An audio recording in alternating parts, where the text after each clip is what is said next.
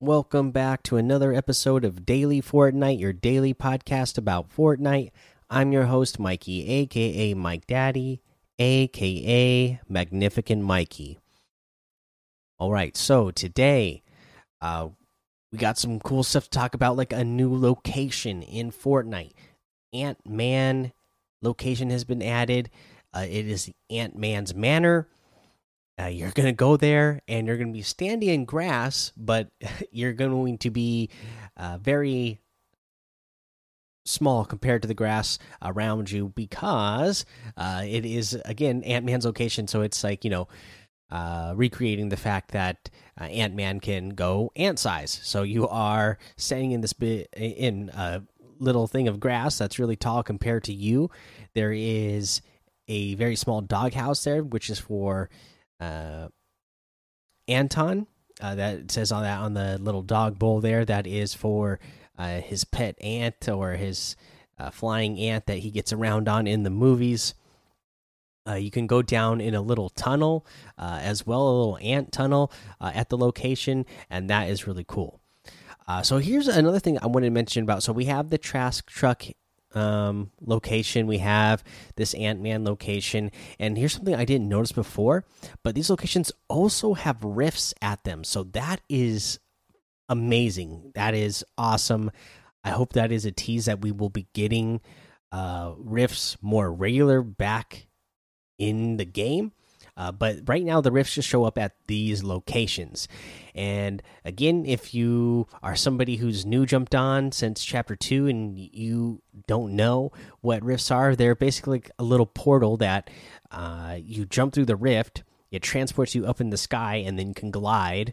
Uh, and go to where you know glide and use it for uh, mobility to go wherever you want to go next uh, great items that we had back in chapter one that were really great for mobility, uh, getting yourself out of really bad situations when we had the rift to goes.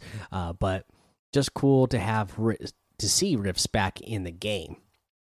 So hopefully, uh, we'll be getting more of those as these locations keep uh, appearing throughout uh, the season. And you know th that also makes these locations, uh, you know, pretty decent locations to land. Uh, you know, right now the Trask truck uh is over in like I said that little village area on the northwest uh, end of the map. Uh, you can loot all those houses and then take the rifts out of there to wherever you need to go next. Same thing with the Ant Man's Manor. It is over by Holly Hedges, so you can get into Holly Hedges, which I usually don't see a lot of people there. So you can get into Holly Hedges, uh, you know, loot that area, and then take those rifts out of there. Uh, to wherever the next location. And plus, you know, these rifts, again, because you transported way up in the sky, uh, you know, pretty like you're as high as you would be when you start out on the battle bus, so you can really glide uh, pretty far to the next location that you want to get to.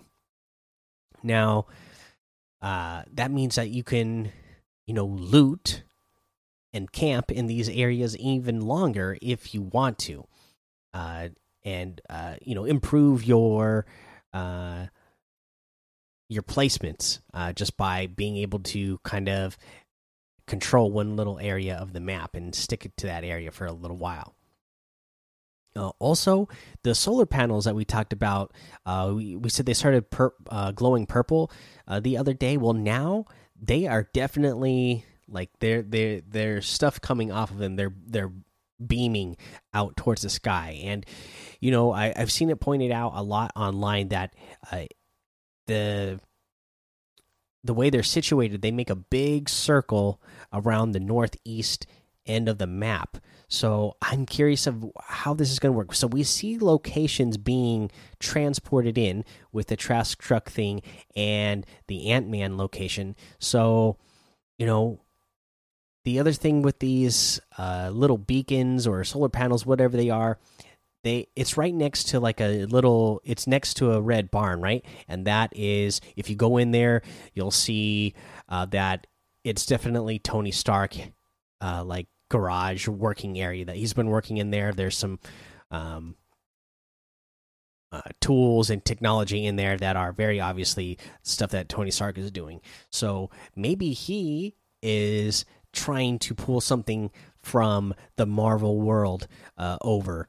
Uh, so again, like I said, we got that Pandora location when they did the crossover with Borderlands. So I, I'm just theorizing that this could be a big Marvel themed location. Maybe, uh, you know, maybe uh, Tony Stark uh, needs full access to all his technology to fight off uh, Galactus. Maybe he uh, transports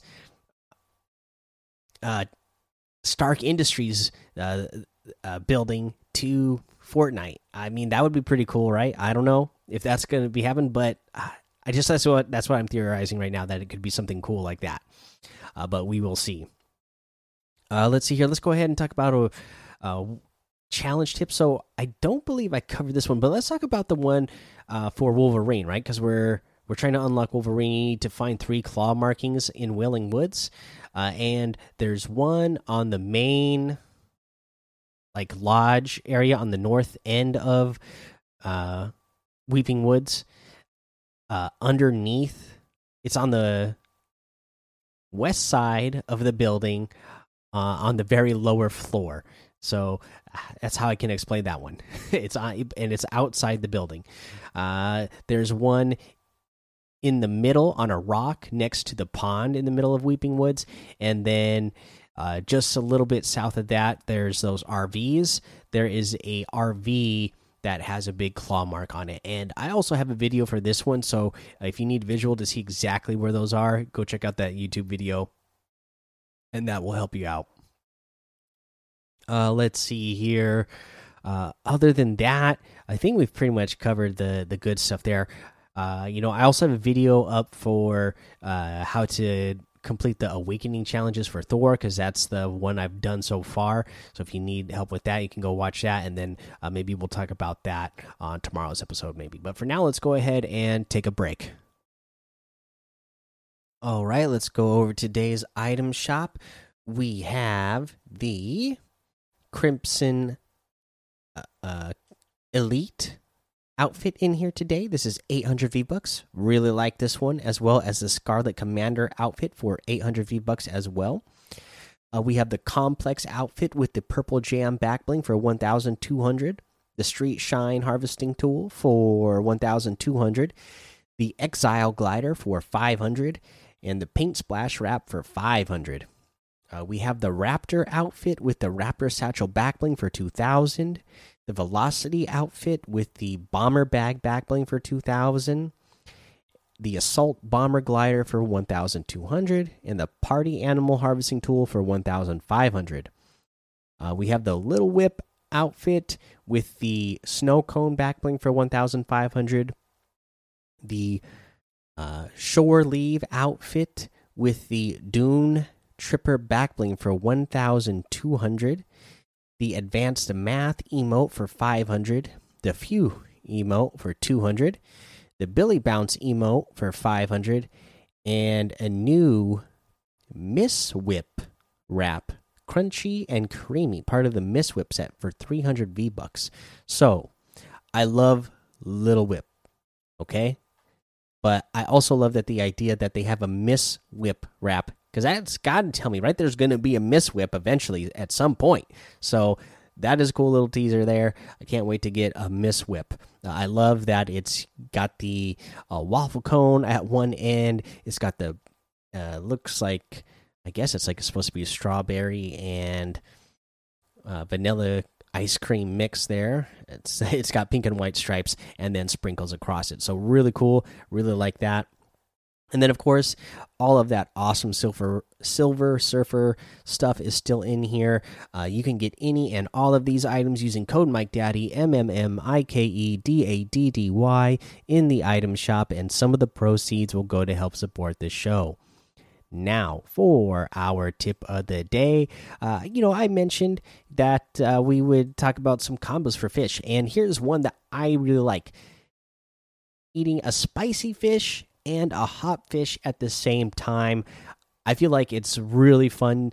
Uh, to have both of these items in the, in the, same game. Obviously, you can use if you have a pepper, you can use a pepper too with the hop fish. But the fact that you have the two items in here uh, together, that you can combine these powers, is pretty cool because you can run so fast, and then just that little, you know, uh, jump that you you can get with the hop fish is you, can you can travel pretty far with this.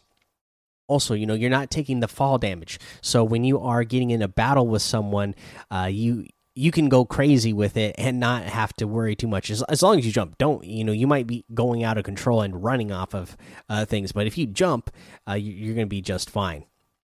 But uh, yeah I, I, love how uh, this combination really throws players off. A lot of times when you just use the pepper or the spicy fish, people are already thrown off because you're moving so fast. But if you're also jumping up higher and farther than they expect, uh, they get really thrown for a, a loop.